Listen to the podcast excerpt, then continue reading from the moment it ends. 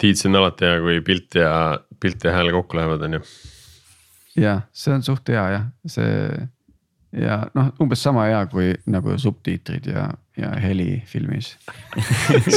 Subtiitrid, eile ma vaatasin seda Eurovisiooni seda, mis mingi poolfinaali oli või something, something ja see oli ju otseülekanne, neil olid kenasti subtiitrid sinna alla nagu juba kirjutatud skripti pealt, siis need ikka vahepeal läksid lappama ära, et. ma, ei kadesta seda tüüpi, kes pidi seal jälgima seda ja siis vahepeal subtiitrid pausi peale panema ja siis otsima, et kus see nüüd järgi, kus see nüüd edasi läheb see võiks neil küll päris hea olla, ma kunagi käisin PÖFFil alustamas oli, siis nad otsisid inimesi, kes neil subtiitreid majandaks. aga kuna see oli niimoodi tehtud, et, et äh, tuli vajutada nuppu, et järgmisi subtiitreid näiteks, ehk siis sa pidid filmi kaasa vaatama ja teadma, millal vajutada. Wow.. aga see oli ikka tükk aega tagasi, kui see tehnika veel nihuke oli neil subtiitritest võiks teha eraldi episoodi. sest äh, kõrge kunstiväärtusega filmi puhul võib see olla päris keeruline, kus äh, pausid on ootamatu pikkusega ja. no eriti, kui see on võõrfilm, räägime sihukeses keeles, mida sa ei taju ka, et kas see nüüd oli üks ja. lause või kolm lauset, mis ta ütles. et see oli jah, see oli neil päris lõbus et siis filmi lõpuks avastad, et äh, mingi hunnik ridu on üle nagu, et enamus sõnumist sai edasi antud. klikid kiiresti läbi sealt klikk-klikk-klikk täpselt. jaa, lahe.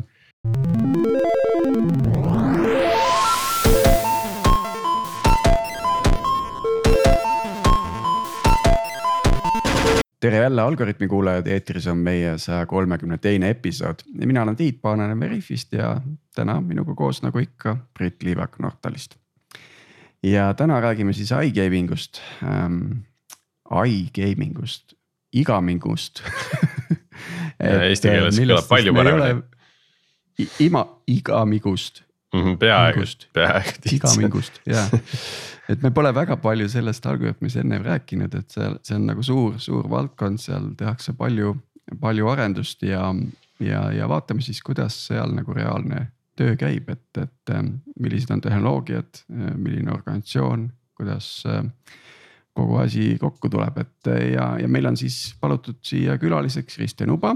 tervist. on siis, tere Kristjan, Betsoni äh, leiutasime tiitliga tuumapealik ehk siis head of core. et äh, räägi natukene, Kristjan, mõne sõnaga kuulajatele oma, oma tausta lahti, et, et saame nagu tuttavaks, siis lähme juba saate teema juurde. olgu nii eh,, ma tarkvaraarenduse kandis olen ikka tükk, tükk aega olnud, ma alustasin kunagi embedded eesti keeles siis SART süsteemide maailmas tegime Bang Olufsenile tegime hunnikut tarkvara, spiikreid ja nende telekaid ja muid audiosüsteeme ja, ja siis mingi hetk liikusime edasi ja siis on tehtud kõvasti äh, ütleme testimise ja tarkvaraarendusega seotud asju, et kuidas seda ikka paremini teha. mingi hetk liitusin siis Betsoniga, et äh, teha täiesti teises valdkonnas asju ja siin sai tehtud siis kõvasti kuidas on muutuvas maailmas äh, tiimide ehitamist ja kuidas siis äh, väike Eesti tiim viia sellesse, et ta suure ettevõttega, korporatsiooniga siis ülejäänud Euroopas nagu saaks samale pulgale ja.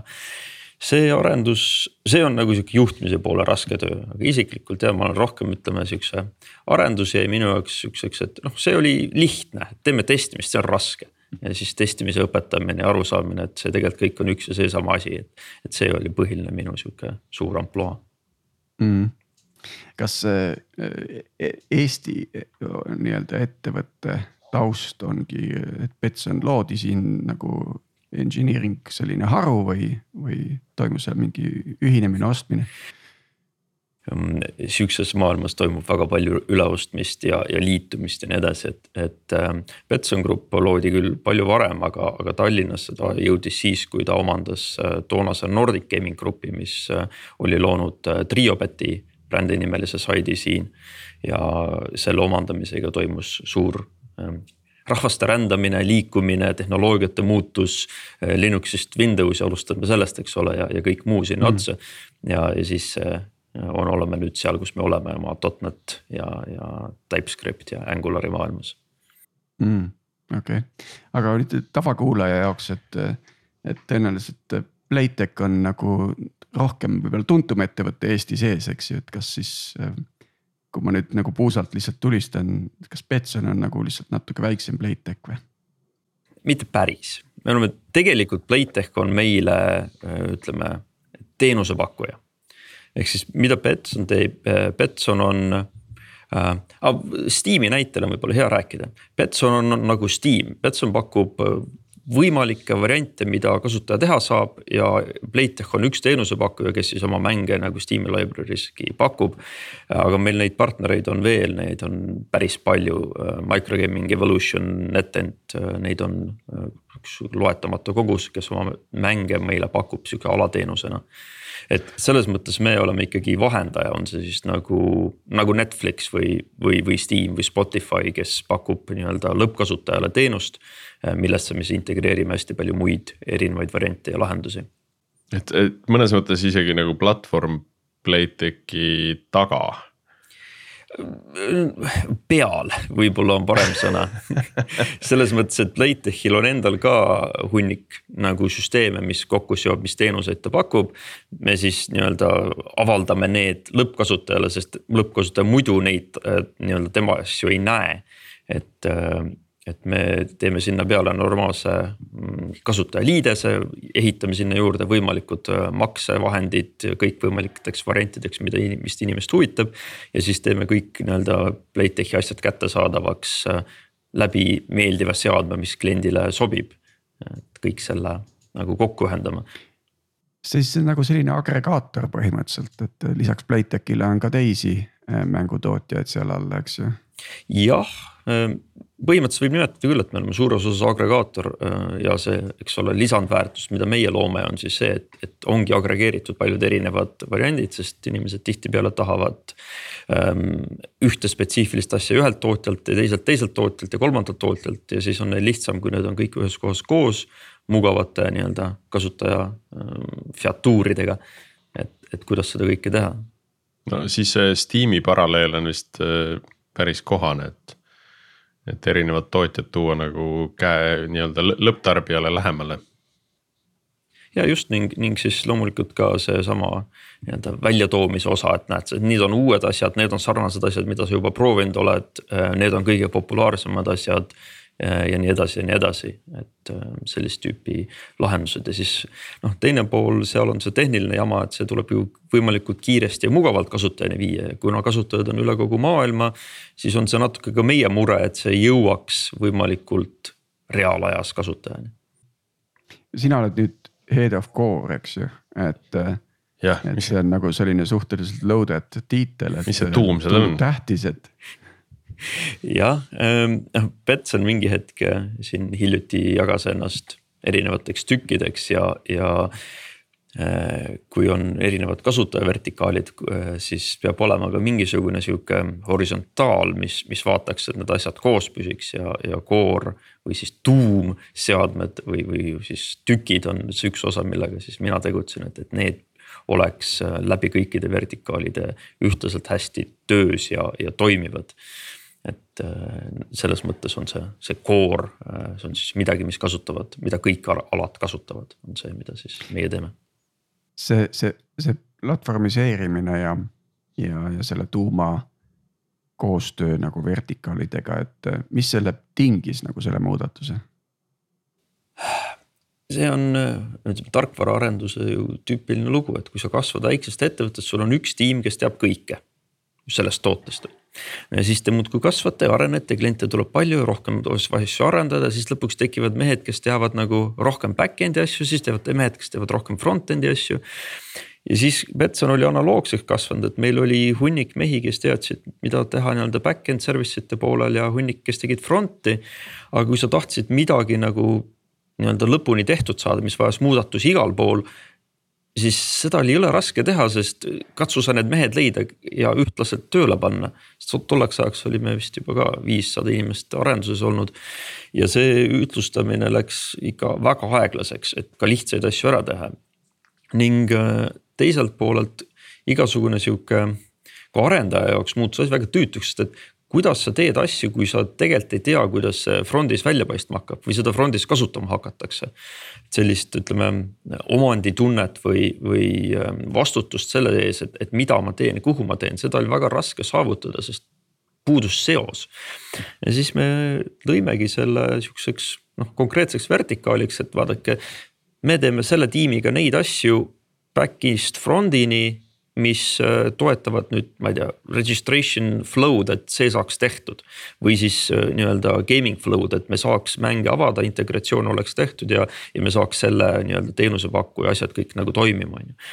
et ja, ja sealt see põhiliselt tuligi, nii saab neid asju teha kiiremini ja, ja vähem mugavamalt no aga sõltuvused ikka jäävad alles, et kui see vertikaalil on mingisugune sõltuvus äh, koorist, eks ju, et ähm, et siis ta peab seda kuidagi nagu lahendama ja siis, kui sul on selline sõltuvus, siis tekib sinna vahele mingisugune, oo me, meie, meie asi, meie sõltuvus on praegu tähtsam ja prioritiseerimine ja. ja kanda nagu probleem lihtsalt nagu muudab oma olemust aga jääb alles äh, tõsi, loomulikult äh, ega, ega ei ole võimalik ju täitsa välja lõigata. Äh, eriti kui alguses kohe, kui platvorm oli teistmoodi ehitatud, eks ole. aga mm -hmm suund on sinna võetud, et, et see tiim peaks saama deploy da või siis nii-öelda turule viia neid asju äh, kõik iseseisvalt, et see. siis vertical tiim saab põhimõtteliselt nagu on end-to-end ownership, nad äh, teevad algusest lõpuni kõik ise, eks ju. just nii, just nii äh, see, see sõltuvus. sõltuvus skoorist. see sõltuvus skoorist on igal juhul olemas ja eks, eks seal toimub suur hunnik kommunikatsiooni, et millal me midagi teeme. millal üldiselt on tegelikult äh, meil teistpidi, et, et meie teeme valmis ja siis teised tiimid äh, peavad võtma kasutusse. et see on natuke nagu selline platvorm tiimi äh, moodi rohkem, et et, et noh, platvorm tiimist otseselt keegi ei sõltu, aga nad loovad mingi põhja, mida siis kõik teised saavad ja vahel isegi peavad kasutama just pigem, pigem niipidi, et teistpidi sõltuvust on ikka maru harva, kui, kui, kui nemad tahaksid, et meie midagi teeksime. et äh, sellisel, sellisel juhul. teistpidi, teistpidi sõltuvus saab tekkida siis, kui arhitektuur on selline, mis neid sõltuvusi pidevalt tekitab, eks ju jah, loose coupling on sihuke hea, hea printsiip, mida sellisel juhul järgida. ning ausalt öeldes me ei ole ka nagu teinud piiranguid, et, et, et sa ei tohi meie koodibaasi puutuda, vastupidi. kui sa näed midagi, mis meil on jamasti või sa tahad muudatust, tee aga PR me merge ime selle ära ja magic, eks ole. kui kõik testid jooksevad läbi normaalselt ja, ja probleeme pole, siis ei ole kellelgi selle koha pealt nagu probleemi. okei okay,, see on väga huvitav avenue praegu et, et vii-, viia see prioritisee- või sõltuvuste haldamine nagu task management'ist nagu PR tasemele, eks ju, et ma lähen sinu reposse, teen seal kiirelt mõned asjad, panen mingid testid võib-olla juurde, võib-olla ei pane, on ju. võib-olla kirjutan need testid halvasti ja siis järgmine kord kukub platvorm mingisuguse memory allocation'i peale nagu pikali ja mingid vennad hakkavad vaatama, et mis deployment siin oli viimane, eks ju, ja siis leiavad, et keegi on midagi sinna ehitanud ja pumm ongi konflikt. no see, see risk on muidugi olemas, ainult et noh, eks seda saab maandada sellega, et, et äh, suvaline commitment ei jookse kohe nagu laivi, vaid see vaadatakse ennem üle. Äh, eriti just nagu meie nii-öelda core service ite puhul, et sa võid meile PR-i teha, aga selle vastuvõtmine on, on loomulikult. peab vastama teatud kriteeriumitele ja, ja testi tulemustele, et, et need asjad päris nii lips, läbi ei lipsa, aga, aga mm., aga eks see risk on igal pool olemas, kui sa suurt platvormi teed, siis. noh, mäluläkked võivad olla juba erinevates library ites, mida sa kasutad sisse ehitatud, sa pead väga teadlik olema, et nendest mööda, mööda vaadata Te,. teine võib-olla äh, riskantsem aspekt, mida ma näen, on, on see, et. et äh, võidakse teha justkui nagu topelttööd, et noh, keegi teeb mingi lisanduse sinna core'i ära Äh, kui tegelikult selle tuumaarendusplaanis kuskil kaugemas tulevikus on juba mingi analoogne, võib-olla põhjalikum arendusplaanis. et kui palju seda ette tuleb, et noh, keegi näeb, mul on väikest asja vaja, on ju. et ma teen selle täienduse ära, aga pärast, kui vaadatakse üle seda pull request'i. siis nähakse, et kuule, et noh, me tegelikult juba siin kõrval arendame sedasama asja ja hoopis põhjalikumalt ja suuremalt ja et lai, laiema Äh, kasutuspinnaga. tõsi, äh, sihukest tuleb ette äh, aga see, see ütleme, see probleem laheneb kommunikatsiooniga, et, et me üritame ikkagi olla nii läbipaistvad kui võimalik, meil on vist iga kahe nädala tagant vist jah, iga kahe nädala tagant räägime sisuliselt kõigi erinevate ütleme teiste suurte arendajatega, et mis on meie arenduskavas mis on tulemas lähiajal, mis on tulemas kaugemal, paneme plaanid paika, kui me ja kui me teeme natuke nii-öelda pikemaajalist siin nüüd kvartaliplaani või nii, siis. siis need asjad ka nüüd ühtlustatakse teistega, et kuulge, kas teil on midagi väga vaja kindlasti järgmise kolme kuu jooksul, et, et paneme need paika ja räägime. kui et palju neid oleks..., kui palju neid valdkondade juhte üldse on? kui suur see grupp on, ma mõtlen, kellega seda kooskõlastust tarvis teha on? ei ole väga suur, meil on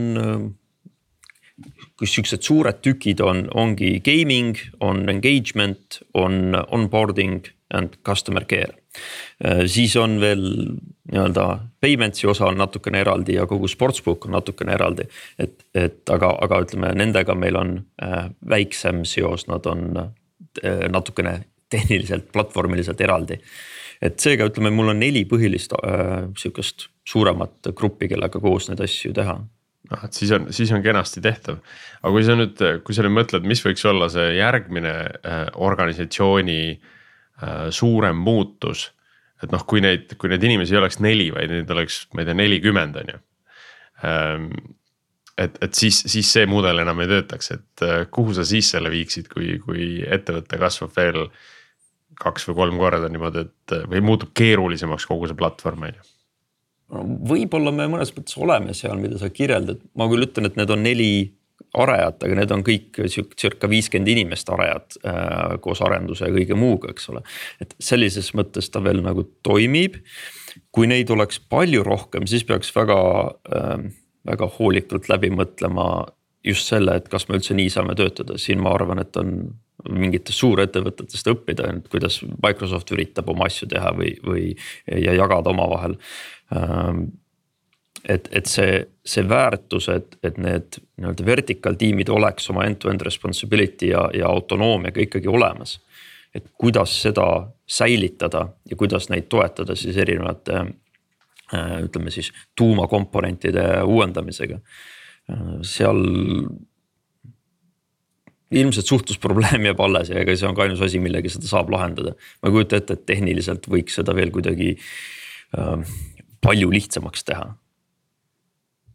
Üks, üks huvitav selline äh, valdkond, mida võiks veel pookida, on seal see nagu need toetavad tiimid on ju, et ütleme seal infosec'id dev, DevOpsid, DevExpert, quality engineering ud, eks ju, et ähm, äh, nemad on siis osa koorist või? Ei, see, see on jagatud. ja, ja, ja mõistan, äh, see on selles mõttes on see ikkagi jagatud, äh, et äh, iga vertikaal peaks sisaldama kõike selleks, et need asjad ära teha selge see, et on tsentraalne DevOpsi grupp, mis jälgib nii-öelda ja tsentraalne riistvara grupp, mis säilib nii-öelda, et need asjad oleks meil paigas. aga, aga mõte on selles, et igal, igal vertikaalil on kõik vajalikud ütleme kompetentsid ja, ja skill set'id olemas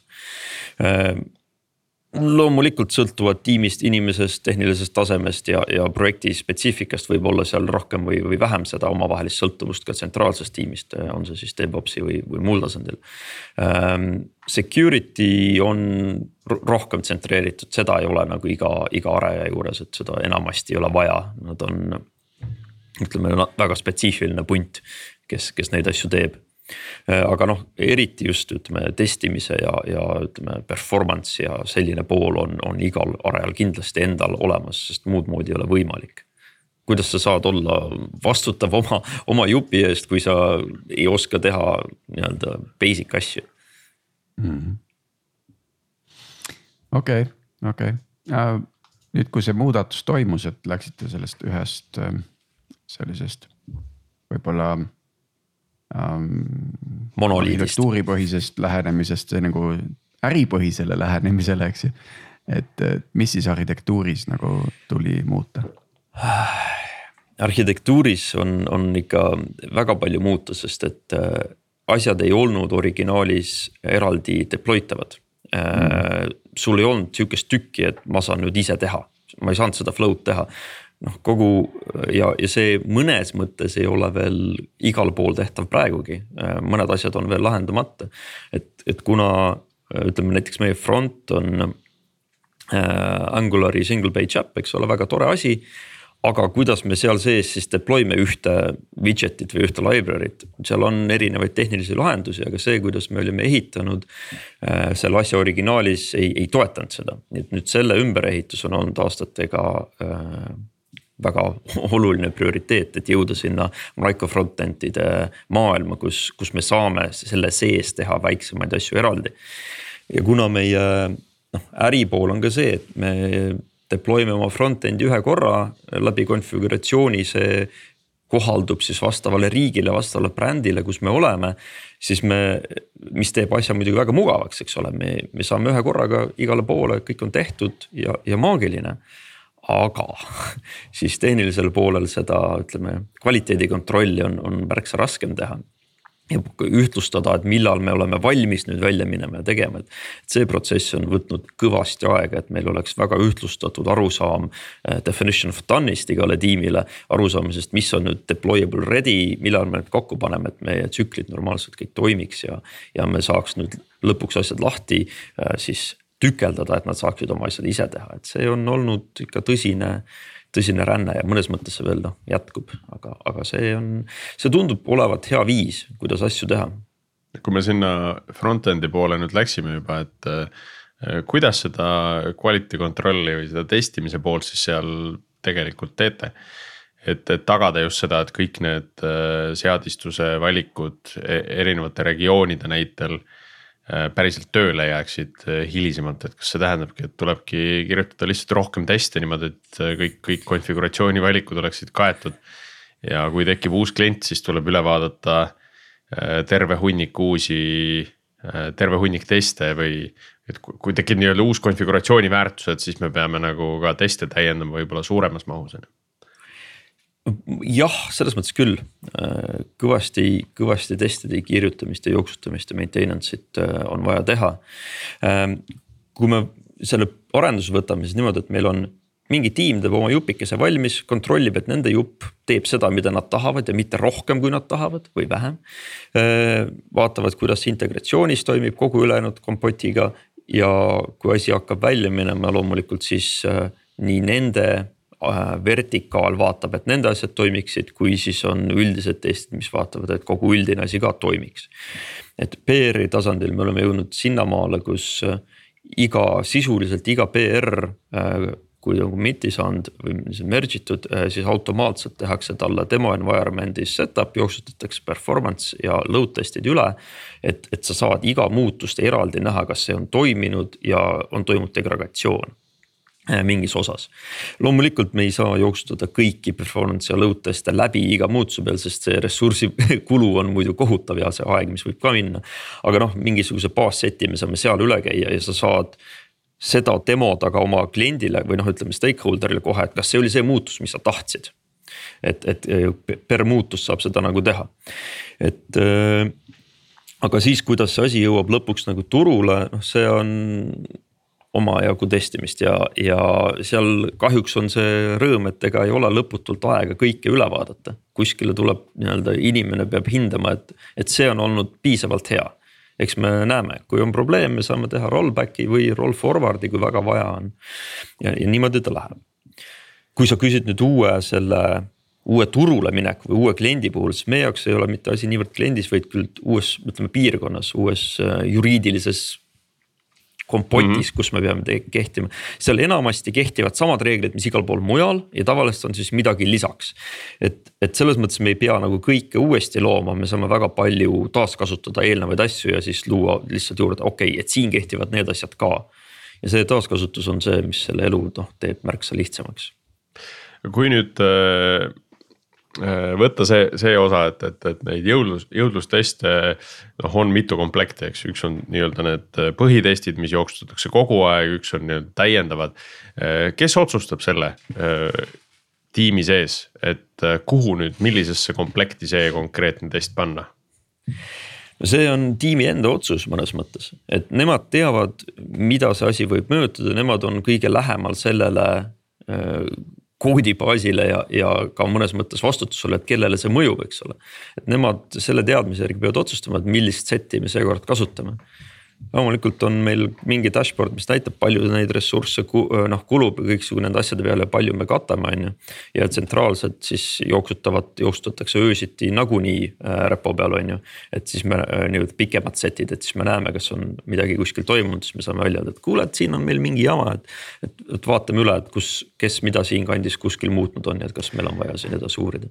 ma torgiks seda asja veel, et, et mille pealt nad selle otsuse teevad, et see on nagu noh, et, et täitsa arendajana ühes tiimis.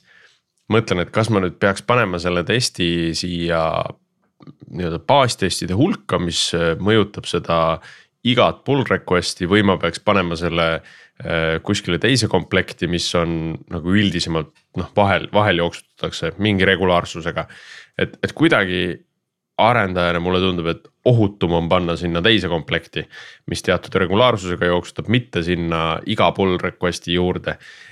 ja, ja no, no, mis tähendab, et, et see bias on nagu sinnapoole, on ju, et ma võin nagu äh, rohkem lükata sinnapoole ja, ja mingid asjad, mis peaksid olema seal põhikomplektis, sinna tegelikult ei jõua eh,. okei eh see set, mida jooksutatakse iga kord iga, iga äh,, iga PR-i peale on, on selline, mis, mida me pigem teeme tsentraalselt, see jääb ka core'i nii-öelda valdkonda, et meie selles mõttes mm -hmm. vaatame selle üle, et see, et see set oleks nagu normaalne. et, et, et see, mida iga arendaja teeb, need on rohkem nagu nende enda, nende enda set'id äh, sinna jaoks. et see, see päris nii ei ole, et sinna igaüks suvalisel hetkel lisab midagi juurde okei okay,, et, et siis noh, mõtlengi, et, et siis see core tegelikult pakub ka arendajale sellise äh, kuidas öelda, otsustustoe, et, äh, et mul on nüüd üks test, et äkki see peaks olema seal ja, ja siis core aitab selle otsuse teha. sest äh, eemal olles, äh, ühes konkreetses vertikaalis olles võib olla väga raske seda otsust teha, et. ja, ja on küll, on küll raske, aga, aga noh, teisalt jälle sa tead seal vertikaalis oma nii-öelda toote KPI-s ja oma meetrikaid, mis on, mis on sinu jaoks tähtsad, on ju, meie võib-olla neid detaile nii hästi ei näe. no siis see kombinatsioon sellest äh, suhtlusest on see, mis, mis aitab seda otsust teha, et mm. -hmm räägime korra tehnilisest poolest ka veel, et, et seda, seda arhitektuuri poolt sa põgusalt mainisid, sa rääkisid ka äh,. sa rääkisid ka sellisest nagu monoliidi tükeldamise temaatikast et äh, kuidas sellega läheb või kuidas te sellele probleemile olete lähenenud, sest äh, noh, seda monoliiti äh, kuuldavasti saab tükeldada mitmeti, et kas me alustame sealt baasi poole pealt või. või uutest teenustest ainult ja jätame selle vana asja puutumata, noh, et, kuidas teie seda teete? see, see on see lugu sai alguse aasta siis oli üheksakümmend üheksa või kunagi, kui see ettevõte tõsisemalt tegutsema hakkas. siis nad hakkasid muidugi ehitama kuskil ühte brändi, ühte, ühte asja, eks ole. siis nad vaatasid, et oh, kuule, aga me võiks teisele turule veel minna, tegime sellest brändist äh, front-end'i koopia, back-end'i sidusime kokku, kuskil on configuration on ju. ja siis me, siis klassik, eks ole, ja siis ja siis äh, juhtkond vaatas, et kuule, meil läheb hästi, et lähme veel sinna turule ja ostame selle ettevõtte ja anname neile ka. toome lihtsalt nagu kasutajate andmed üle ja, ja migreerime ära ja noh, kõik toimib, on ju. ja siis ehitati paaniliselt kiiresti üht kihti muutujaid, if lauseid, kuule, see on teistmoodi, ehitame seda. kuni siis lõpuks saadi aru, et kuule, see asi on kasvanud kohutavaks äh, ütleme sihukeseks kompotiks see tegelikult juhtus veel enne, kui me tegime seda vertikaali äh, muutust, ehk siis oli olemas, ütleme projekt, mida me nimetasime Texon Evolutioniks äh,. kuna meie back-end'i põhiline nimetus on Texon äh,, Betsonis kõik asjad on son lõpuga. on see siis äh,, see, on kuidagi sihuke Rootsi ettevõtte eripära, et, et kõik asjad on sedamoodi ja, ja äh, seda hakati juba siis läbi vaatama, et okei okay,, see asi ei toimi, see asi ei ole mingil juhul võimalik pilve viia, mis on tore asi, eks ole, hakkab varsti tulema. et, et seda on kõik vaja teha, siis hakati seda laiali lõhkuma ja äh, eristama. ja kui me jõudsime nüüd sinna vertikaalide loomiseni, siis see projekt oli parasjagu nii kaugel, et.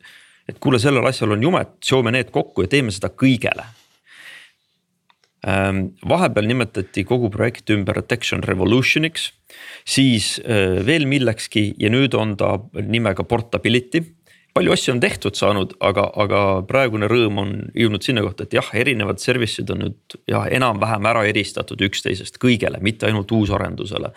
aga nad on, ütleme noh, nad on ikka kääridega jõhkralt lahti lõigatud aga nad ei ole nagu veel optimeeritud omaette toimima, ei ole normaalseid nii-öelda API layer eid kirjutatud, asju tehtud ideaalselt, et. et seda me ei saa niisama lihtsalt pilve viia integration by database on ikka veel nagu asi, mitte ei ole noh, mingisugused service'id mm. vahepeal on ju, et.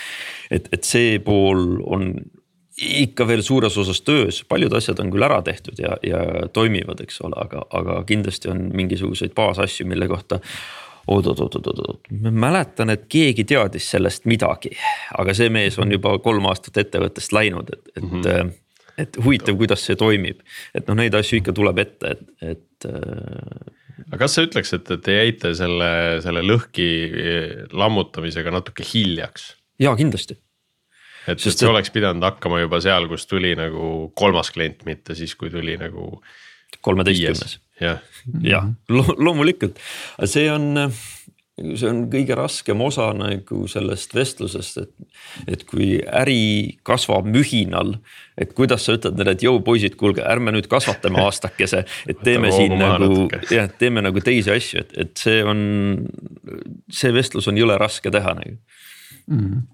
ma küsiks eh, nii palju, et või selle aspekti alt, et et millised on nagu core'i vaates täna sinu nagu väljakutsed, on see mingi skaleeruvus, kvaliteet, security mm.? meie koha pealt on kõige ütleme, see front-end evolution'i lõpetamine, et me kõik saaksime sinna Marko front-end idesse sisse, et, et see on, oleks järgmine suur võit. me just hiljuti lõpetasime ära, et meil ei ole on-premises service eid ei ole, et me oleme, kõik on, kõik on pilvesse ära viidud, see on nagu hea. aga järgmised kaks, ütleme järg, asja sinna juurde on, ongi seesama nii-öelda kvaliteedi pool just nimelt load'i, load testimise koha pealt, et ma küll ütlesin, et meil jookseb nagu standardset läbi. aga see on nihuke, ütleme noh, lapsekingades, et meil jookseb tõesti minimaalne set ja, ja see on sihukene noh ta jookseb, aga sealt pealt veel suuri järeldusi teha ei saa, sest testkeskkond pole veel ideaalselt vastupidav sellele kõigele ja nii edasi. et see pool äh, kindlaks teada, et millal me, millal meie süsteem on halvemaks läinud ja millal paremaks läinud, just selle poole pealt on äh, oluline. ja ütleme, kolmas nüanss siis on, on kiirus, et kui igaüks teeb oma vertikaali, siis nad näevad veel selle kiiruse asju, aga kui see kõik nagu kokku läheb, siis. üldise kasutaja kogemuse läbi kõigi vertikaalide, selle kiiruse, mugavuse nägemist. et seda peab veel ehitama ja ühtlustama, sest äh, siin hunnik äppe üksteise sees äh, tekivad väikest viisi probleemid. Äh, mida rohkem me paneme juurde erisusi, mida rohkem on erinevaid seadmeid, brausereid, mida toetada, eks ole. Et, et selle ühtlane vaatamine ja, ja, ja ka seda, kuidas me siis seda vaatame okei okay,, Google Analytics näitab sulle midagi, äh, Sitespeed aju näitab midagi muud, eks ole, Grafana mõõdab kuskil midagi muud, et, et.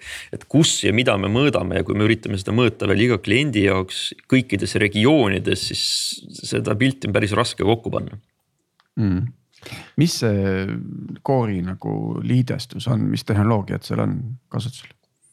Äh, äh, .net on, on põhiline ja noh, front'i poolel loomulikult on TypeScript äh, meil Angulari baasil me oleme, et seal on, aga jah, .net põhiliselt mm. -hmm aga räägi sellest äh, mikro front-end'ist veel lähemalt, et kuidas, kuidas te sellega nagu hakkama olete saanud või mis, mis lähenemine seal on võetud, et äh, kas neid komponente, sa ütlesid, et tahaks seda, et neid saaks paigaldada eraldiseisvalt, eks.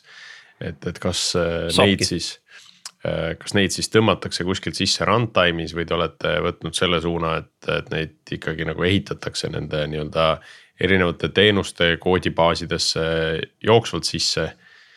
Ähm, kui see front-end paigaldatakse, kas ta paigaldatakse ühe tükina või, või siis on nagu erinevad front-end'id, mis kuidagi on kokku lõimitud? Äh, me natukene hakkame sinna minema, kus minu teadmised jäävad high level'ile sellest asjast, aga äh, meil on, äh, Core ehitab sihukese shell äpi, mille sees siis te, eraldi deploy tavad äpid saab kaasa tõmmata ja see shell seob nad kokku äh, üheks mõistlikuks sihukeseks nii-öelda kasutajakogemuseks ka, ka tehnilisel tasandil, et, et nad on eraldi deploy tavad, nad on eraldi tükid, ehk siis nad runtime'is seotakse kokku. Aga, aga jah, see shell äpp, mida siis core teeb, tõmbab nad kokku ikkagi ühtlaks, et nad päris eraldi nagu ei jookse mm. -hmm. et see on üks ühe, ühe sellise raami arendus, mis tõenäoliselt pakub kogu sellise äh, noh, jagatud konteksti äh, autentimise ja kasutajainfo äh, ja võib-olla, võib-olla midagi veel, eks ole ja just täpselt sessiooni ähm, geolokatsiooni info, kus me oleme, mida me tohime teha, mida ei tohi ja sealt, sealt siis saavad nii-öelda erinevad vertikaalid otsustada, et mida me siis teeme, me pakume selle baasinfo, nemad otsustavad, mida sellega teha. ja see jah, seda seotud konteksti pakub siis core'i see osa seal sees. sealt tekivad järgmised tehnilised probleemid, et kuidas me lahendame server-side rendering'i asju ja, ja muud caching'u küsimused ja, ja sinna juurde.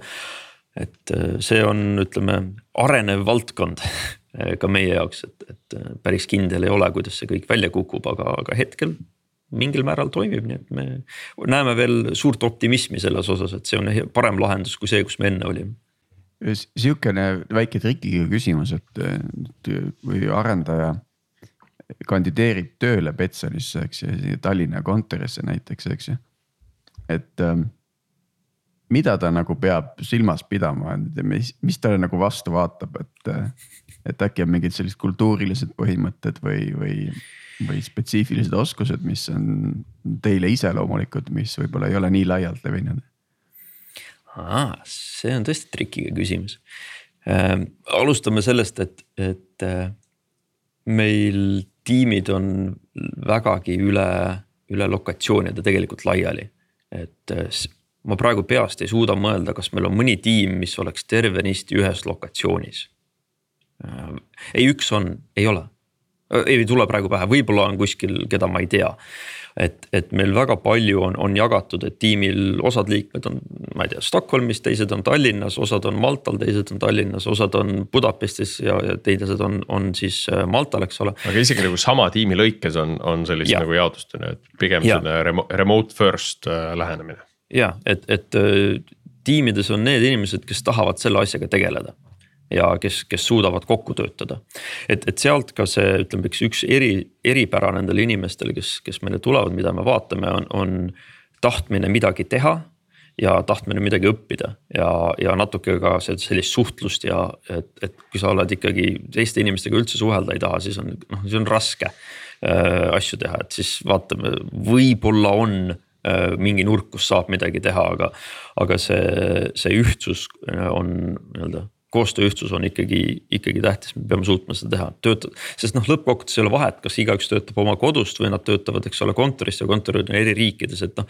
see, see sein on ikkagi olemas ja sa, sa pead olema mingil määral läbipaistev ja suuteline rääkima oma tööst ja, ja oma probleemidest on ju, et see on sealjuures. ja noh, see tagab selle, et, et sul on võimalus töötada ükskõik mihukese tiimi või, või tehnoloogilise valdkonnaga ka läbi Betsoni, et tahad, okei okay,, DevOpsist sai kõrini, ma tahan teha back-end arendust või ma tahan database'i ehitada, palun väga, mine tee, on ju, ole, ole ainult mees ja näita välja, et sa tahad teha. väike täpsustav küsimus sellesama lõigu kohta, et kas ütleme selles tiimis need arendajad kasutavad sama IDE-t ja sama platvormi arenduse jaoks nagu opsüsteemi mõttes äh,? suuresti, aga mitte tingimata et see on neil ide... valiku koht või? põhimõtteliselt küll, äh, me ütleme, suur enamus kasutab ikkagi Windowsi ja, ja enamasti on see Visual Studio põhised äh, IDE-d, aga see ei ole mm, ametlik limiit, kasuta mida tahad peaasi, et sa asjad tehtud saad. Äh, lihtsalt korporatiivne IT ütleb, et need asjad on toetatud. kui sa tuled mingisuguste muude asjadega ja sul need ei toimi, siis sorry, me ei, me ei suuda sind aidata, et siis sa oled omal käel, pead need ära lahendama mm. -hmm. ning äh, kuskil turva tuleb, ütleb, et kuule, see aplikatsioon on väga kahtlase mingisuguse kommunikatsiooni või memory pattern'iga, et äh, palun neid mitte kasutada. Et aga põhimõtteliselt jah, et, et nii Mac kui, kui Windows on tegelikult toetatud. kuigi Mac on märksa vähem levinud aga jah, Unixi kasutajaid mõned no, on. Te olete .NET-i peal, et see juba, see juba seab teatud piirid vist. jah, seda ka. seal on aga keerulisem seda teha lihtsalt. on küll ähm,, mitte kõik äh, samas ei kasuta .NET, eks ole, et kui sa oled põhiliselt teed DevOpsi asju, siis see ei ole võib-olla tingimata oluline, on ju, oled sa seal. siis võib-olla just tahaks Maci kasutada hea terminali pärast ja noh, terminal on igasuguseid toredaid, et, et ma ei ole veel Windowsis head leidnud, ma pean, sa pead mulle pärast soovitusi saatma, võib-olla tiimi käest küsima jah, võib vaadata küll, siin hiljuti just oli mingisugune uuem variant tuli välja, mis pidi päris hea olema. Aga, aga, see, ma küsin hästi jätub. kiire ja konkreetse küsimuse, et kas eelistatud suhtluskanal on email või messaging? Once you go Slack, you never go back oli see, oli see hüüdlause, et, et ja ei, Slack on, on põhiline e, emailid on rohkem sihuke tigupost, et ametlikud öö, otsused. teadaanded. ja teadaanded on email, et, et muud asjad on ikka messaging'id. kuigi tuleb tunnistada, et see väga palju on tehtud tööd just ütleme sihukese inimeste juhtimise poolega, et õpetada inimesi leidma mm, distraction free aega ja, ja mm -hmm. ehitama seda, et, et, et me saame keskenduda, arendustöö on ikkagi ju suures osas loovtöö, sügavad mõtted, sa pead jõudma sinna tsooni, on ju. sa pead leidma selle aja ja, ja vahendeid, kuidas sa igasuguse segamise suudad kõrvale lükata. et, et seda nihukest kultuurilist äh, muutustööd on ka vaja teha, et jah, loomulikult me suhtleme palju ja me peame olema nähtavad, aga kui me ei võta seda aega seal teha äh, endale keskendumiseks, siis äh, well noh, see context switching on üks kohutav asi, eks ole. kuidas te seda saavutate, kas see on lihtsalt läbi koolituse, teadlikkuse tõstmise või, või on seal veel mingid võtted või, või nõksud, kuidas seda teha, ma ei tea su, suunata juhte, et äh, mingisuguste praktikate suunas äh,? jaa. näiteks see... ma ei tea, koosolekute vabad reeded äh,. täpselt, täpselt äh,, me oleme kui me selle vertikaalid lõime, siis me lõime, ütleme ka sihukese toetava struktuuri äh, juhtide tasandil, et meil on sihuke tore roll nagu äh, PDM, see product development manager akronüümina ei ütle midagi, aga tema roll on, on olla mitte operatiivne. Ehk siis juhtida, no põhimõtteliselt me võime neid agile coach ideks kutsuda, eks ole, aga just, et eh, juhtida seda arenduskultuuri ja teha tööd tiimi kultuuriga ja aidata siis ütleme inimeste juhte eh, suunata ka neid õigeid mõtteid tegema, on ju. ja, ja see nende juures on ka see roll, et kuidas me siis noh, inimesi koolitame ja nii edasi. aga juhtide tasandil ka samamoodi, et, et ei ole, kõik asjad ei pea olema koosolekud, esiteks, lõpetage see jama ära, on ju. kui see on email message või Slack küsimus, siis teeme seda seal, kasutame thread'e, arutame asjad, saab kõik asjad ära teha, on ju. et mõelge ise ka, et kõike ei pea lihtsalt rääkima, on ju. ja inimestel on väga noh, ütleme sõnum on vähemalt kohale viidud, et kui sa ei tea, kas sa peaks seal meeting ul olema, siis ära mine. kui sa ei tea, miks see meeting on tehtud, kui see, ütleme, agenda pole selge, ära mine kui sellest tekib probleem kunagi, siis äh, sinu inimeste juht kaitseb sind, ütleb, et aga see asi ei olnud selge. loomulikult ole ise mees ja küsi ka, et, et kuule, mis, mis värk on nagu võib-olla sa lihtsalt ei pannud tähele mingit informatsiooni, mis oli mujal jagatud, on ju. sellised agenda ag,, vahepeal olen ka kuulnud sellist, sellist reeglit, et kui agendat ei ole, et siis ei pea kohale tulema. noh, et kui on lihtsalt nagu koosolek, et arutame seda aga no mis me siis seal arutame või mis see eesmärk on sellel asjal, et kui see ei ja. ole korralikult püstitatud, et siis. noh, siis see ongi võib-olla selline koosolek, mida ei peaks toimuma. ja täpselt ning äh, ka, ka väga hoolikalt ei ole mõt-, noh on räägitud juhtidele, et ei ole mõtet aega täis venitada. kui sul seekord ei ole rohkem rääkida, siis ja oli puugitud tund aega, siis viisteist minutit ja done, lähme laiali. et, et ei ole mõtet seda teha. ma tean, osad äh, vertikaalid on täitsa leppinud kokku, et, et neil toimuvad miitingud ainult päeva teises pooles, äh, osadel päevadel. et hommikud kuni lõunani on, on miitinguvabad. et, et kui noh, tiimisiseselt te lepite kokku, et te tahate seal midagi teha või arutada, palun väga raske käia. aga, aga juhtkond või siis ütleme, mingisugused välised stakeholder'id ei topi sinna meeting uid, et, et äh, seda teha mm. -hmm, see on see, hea, see on alati hea, kui tiimil on mingi aeg, kus nad teavad, et kui meil on midagi tähtsat, see on alati aeg, mil me saame selle koosoleku teha või selle arutelu teha. Äh, et, et seal ei ole nagu midagi ees ja just nimelt noh, see, see autonoomse tiimi mõte, noh idee ongi selles, et, et, et seal on olemas mitte ainult nagu arendused profiil, vaid ka tegelikult ka stakeholder võiks sinna tiimi noh by proxy kuuluda vähemalt on ju. ja, ja, ja nemad peaksid suutma omad asjad ise ära otsustada, sest nemad teavad, mis me, mis neil toimub, on ju. ja kõik välised mõjutused ja, ja seotud asjad, eks ole, noh, need on lisad, eks nad siis ise peaksid saama otsustada, millal see neid mõjutab ja, ja nii paberil ilusam, kui, kui reaalses elus välja paistab, eks ole, et, et, et raske on, aga on näha tiime, kes on suutnud selle väga ilusti endal käima panna ja kes, kellel endal on distsipliini ja, ja küpsust aru saada, millal. Eh, millal nad peavad olema ise aktiivsed ja millal nad saavadki öelda, et jõu kogu aeg, ei, ei, meie asjad on teistmoodi, meie teeme teistmoodi. aga kas see..., kas see on ka valdkond, mille, mille kohta te teete näiteks retrosid, et aru saada, et kus me täna oleme äh, noh, et, et kogu aeg selles nagu rütmis olles, see võib üsna kergesti nagu kalduda ühele või teisele poole. lihtsalt ja no me harjume ära selle muutusega ja me tegelikult ei, ei ole nii optimaalsed, kui me tahaks.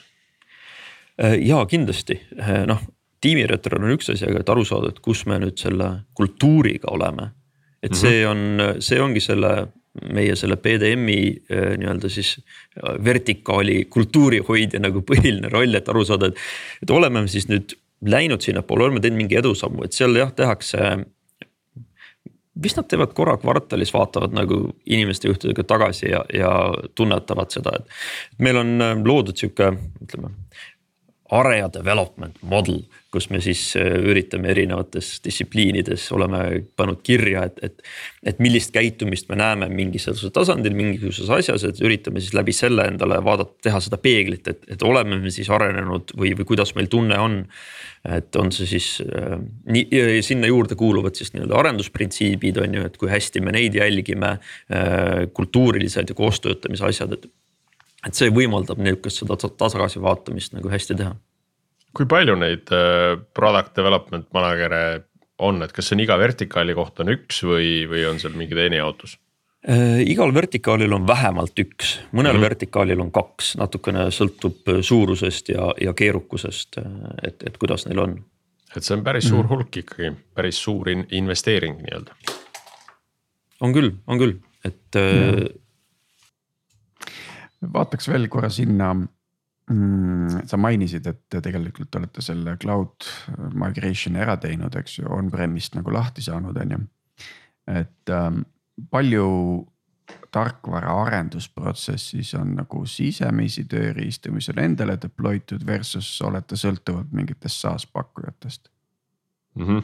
Ah, ma panen ühe juurde, et palju on neid, mis on ise arendatud ka ehk siis kolm tükki, ise arendatud, äh, ise paigaldatud ja SaaS. Oh, äh, ise arendatud on, on meie deployment äh, tööriist äh, nimega Pego. Äh, mingil põhjusel see ei olegi Son, ma ei, ma ei tea, kes, kes seda tegi.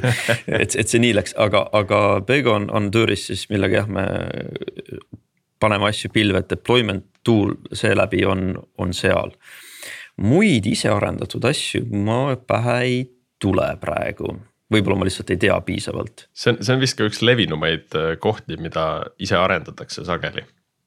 Ja, sest et äh, noh. peab kokku korjama kogu, kogu selle pundi nagu, mis äh, kuskilt mujalt tuleb, on ju, ja kuidagi siis paketeerima ja ära deploy ma on ju just täpselt, arvestades kõiki võimalikke keskkondi ka, sest ja. on, on erinevad, kui ma ütlesin, et me oleme läinud pilve ära, siis see on seotud front-end'iga. Äh, hunnik back-end'i on, on ikka veel täiesti konkreetsetes äh, meie riistvaras, see on tingitud osaliselt ka teatud riikide eripäradest. näiteks Gruusias on meil täiesti oma instants füüsilist raudvara seal riigi sees, sest et nende riigi internet riigisiseselt on väga hea aga riigist välja on päris kehv. nii et me ei suuda tagada normaalset äh, latency vähenemist selle tõttu. et, et normaalset kiirust, et me pidime lihtsalt füüsilise uue instantsi ehitama selleks, et seal riigis toimida aga palju meil on SaaS lahendusi, mõned et, et äh, ma isegi ei kujuta ette, mida, mida kõike selleks lugeda, võib-olla ma ei tea piisavalt meie asjadest, et, et. no mingi CI stack ütleme. No ja noh, GitHub on, on, aitab meid igast asjadeks mm -hmm. teha, GitHub Action'ite peale on paljud asjad juba ehitatud ka, on ju et, et need on kindlasti SaaS lahendused, siin ei ole mõtet hoida, Amazon Cloud'i me jookseme, eks ole, kõik need toetavad asjad tulevad ka sealt on ju mhm mm. -hmm. Nonii, aga me vaatasime siin äh, organisatsiooni arhitektuuri sellesse vertikaalide platvormide sõltuvuste poolde sisse samamoodi. aga kas on, ütleme mingisugune selline nüanss, vaata, ma natuke pokisin seda, et arendaja peab millegagi arvestama, kui tuleb Betsonisse on ju. et kas on mingi nüanss, mis mida sa nagu oled siin aja jooksul näinud, et nagu gaming'u osas on nagu teistmoodi. Versus mm, -hmm. et mhm. ma olen mingi tootearendaja, ma ei tea, teen. sellise nagu embedded asjaga, arendusega ilmselt ei ole mõtet võrrelda, sest seal on nagu ta täiesti teistmoodi on ju. Mm. ja, ja, ja õigus, äh, see, see asi ei too, su küsimus ei too hetk märkamata. Pets on selles industry's, see industry eripära tuleneb eelkõige sellest, et ta on väga-väga kiiresti muutuv kõik riigid reguleerivad oma turgusid juriidilised inimesed või poliitilised inimesed, kes otsustavad reegleid, ei tea tarkvaraarendusest tihtipeale suurt midagi või kui kaua see võib aega võtta. siis nad otsustavad, et kolme kuu pärast olgu nii mm. -hmm. no siis mõnikord tulebki lihtsalt nii teha, et kolme kuu pärast oleks nii. ja, ja see loob meile sellise ütleme siis mõnes mõttes kaose, et meil kõik on kogu aeg muutumises. et me peame olema valmis muutma kõike ja kiiresti, et sellist, ütleme siis igavat hetke, kus me saame viis aasta plaani paika panna ja rahulikult nokitseda, pole olemas. teed nagu see... nagu sellise korraliku plaani valmis ja siis tuleb mingi regulatsioon, et mis lööb selle kõik pea peale. jah, absoluutselt ja, ja kuna me tegutsemegi ikka nihuke väga palju erinevates reguleeritud turgudes, siis see mõjutab meid äh, korralikult. ja, ja kuna see valdkond on, ütleme sihuke pidevalt muutuv, mis tähendab seda, et äh, ärilisest poolest äh, on ka konkurente, kes üritavad Äh, pidevalt olla paremad kui teised, sest konkurents on väga tihe, eks ole. Kui palju raha liigub, siis you know palju inimesi, kes tahab sellest kasu lõigata ja kui keegi mõtleb välja mingi hea featuuri või lahenduse, mida teised pole enne teinud, siis kliendid jooksevad sinna jõhkra kiirusega kokku, mis tähendab seda, et me peame väga kiiresti match ima seda funktsionaalsust. et eks meil ei ole ainult regulaatorid, kes leiutavad asju ja, ja oma tootearendajad, kes leiutavad asju, vaid ka konkurendid, kelle peale tuleb nagu vaadata ja jälgida, et mida nemad nüüd teinud on. ehk siis selline mm. pidev kohe, kiire areng on teemaks. kohe küsingi, et mis viimane asi oli, mis tuli, tuli ülejala ära teha Eh, kõige, kõige sihukesem suurem muutus on, on eh, no registration äh, play ehk siis, et kui varem standard on see, et sa lähed slaidile, eks ole, teed oma kasutaja, siis lähed deposiidid panka raha, siis saad midagi teha, on ju, noh, meil on ilma rahata on vähe asju teha. aga, aga siis mingid mehed mõtlesid välja, et kuule, et aga teatud kohtades deposiidi tegemisel me küsime samu andmeid, mis registratsioonis. et me ühendame need kokku ja inimesele jääb üks samm vähemaks, et ma tulengi, teen deposiidi ja ma saan teha, et ma ei pea tegema seda tüütut nii-öelda registri täitmist, eks ole. see päris igal pool ei toimi.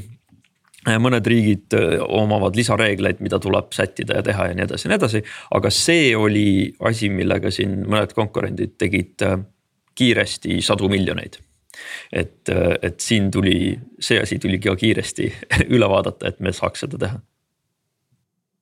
ja ja si-, Priit tahtis midagi küsida? ei, ma tahtsin, küsi. ja, ja ei, ma, ma oleks oma traditsioonilisi küsimusi. aa, vot me mõtleme juba samamoodi, ma tahtsin sama, sama asja pakkuda paku et kuna meil siis äh, episoodi aeg hakkab jõudma lõppu, lõpupoole, kas, kas on veel mõni küsimus, äh, mida, äh, millele sa olid valmis vastama, aga mida me tegelikult ei küsinudki? Ah,. Te küsisite ära mõned nii-öelda industry erinevused, mis on, mis on põhiline ja, ja me rääkisime ka siin natuke värbamise nurga alt äh, ära ähm,. isegi ei tule kohe pähe, mida te oleks võinud veel küsida selle teema raames, et võib-olla me võiksime rääkida siin, siin, eks ole, mõõdikatest, kuidas me teame väärtust, et noh, et kui me loome seda registration flow'd, et mis seal point on taga, et. et kuidas me siis räägime või kuidas need siis oma um, stakeholder itega oma prioriteete seavad, aga noh, see on ka võib-olla pikem jutt, et. Eh, aga siin... võtame hästi lühidalt, võtame just selle vertikaalide vaatest ikkagi ette, et eh, kuidas need vertikaali tiimid enda siis tulemuslikkust mõõdavad, et kas seal on, ma ei tea, kvartaalsed mingid KPI-d seatud, mingid muud mõõdikud. kes ja kuidas neid seab? meil on KPI-d on väga lihtsasti võetavad, sest igal, ütleme äri nurgal on oma mingisugune mõõdik, eks ole, mida nad vaatavad, et, et kui palju meil on uusi registreeritud kliente või uusi depositeerivaid kliente päevas, eks ole. või kui, kui mitu klienti kukub ära pärast esimest deposiiti või kui kaua läheb aega selleks, et pärast kliendi sisselogimist, kuni ta alustab mängu, sest see aeg on see, mis on kliendi jaoks kõige igavam klient mm, -hmm. klient tahab saada oma entertainment'i, ta tahab saada seda mängima ja kõik muu, mis sinna vahele jääb, on tüütu. ehk siis see on mõõdik, mida, mida kasutatakse selleks, et aru saada, et kui me seda vähendame, järelikult me oleme midagi hästi teinud. ja, ja need osad mõõdikud siis tulevad äri poolelt tehnilised tiimid lisavad sinna oma asju, mida nad tahavad vaadata, eks ole, on see siis mingisugune jõudlus, koormus äh, või, või ressursikasutus on ju. ja, ja sinna kompoti peale nad teavadki ehitada, et, et kas me nüüd teeme häid asju või mitte, et see on pigem sihuke, pigem sihuke koostöö, mitte nagu ülevalt alla blanket KPI, täida seda hmm.. ja kui, kui sageli neid nii-öelda üle vaadatakse, et meil ikkagi õiged KPI-d on, õiged mõõdikud on? Natuke sõltub erinevatest vertikaalidest, äh, kellel, kui tihti mingid asjad muutuvad. Äh, vähemalt korra kvartalis, ma arvan, et tiimid vaatavad oma asju natukene tihedamini, et, et kuidas see asi äh, mõistlik on mm.. no tehnilised mõõdikud, need prioriteedid tehniliste mõõdikute osas võivad muutuda sagedamini, eks, aga. aga just need üldised on korra kvartalis umbes.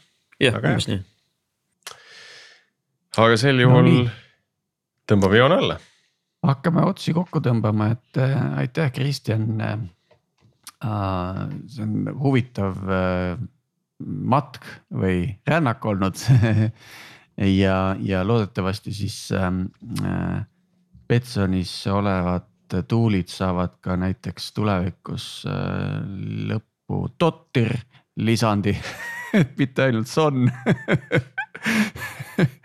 et siis vaata diversity on ikkagi oluline ja, ja, ja inclusiveness peab eksisteerima, et ma isegi vabandan tõesti praegu Eesti Keele Instituudi ees jälle läks läks lappama.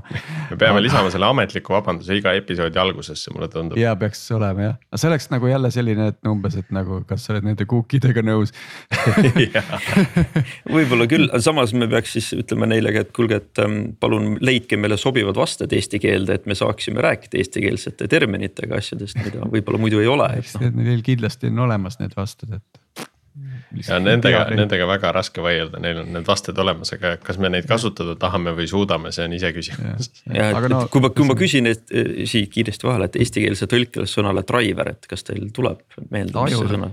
just, ajur on see ilus sõna just kuulge, aga hoidkem siis ajurid äh, nii-öelda äh,. töös. päevakohased või tahtsin tõlkida up to date aktuaalsed, hoidke ajurid aktuaalsetena ja, ja uute ajurite valguses juba järgmisel nädalal meie kuulajatega, et äh, aitäh, Kristjan ja Priit, et selle saate kokku hoidsite panna. ja aitäh kuulajatele ja kõigile meie teemade soovitajatele, ootame, ootame endiselt soovitusi ja, ja põnevaid arutelusid meie, ka meie Facebook grupis näiteks. aitäh, tänud kutsumast. Kuulmiseni. Kuulmiseni.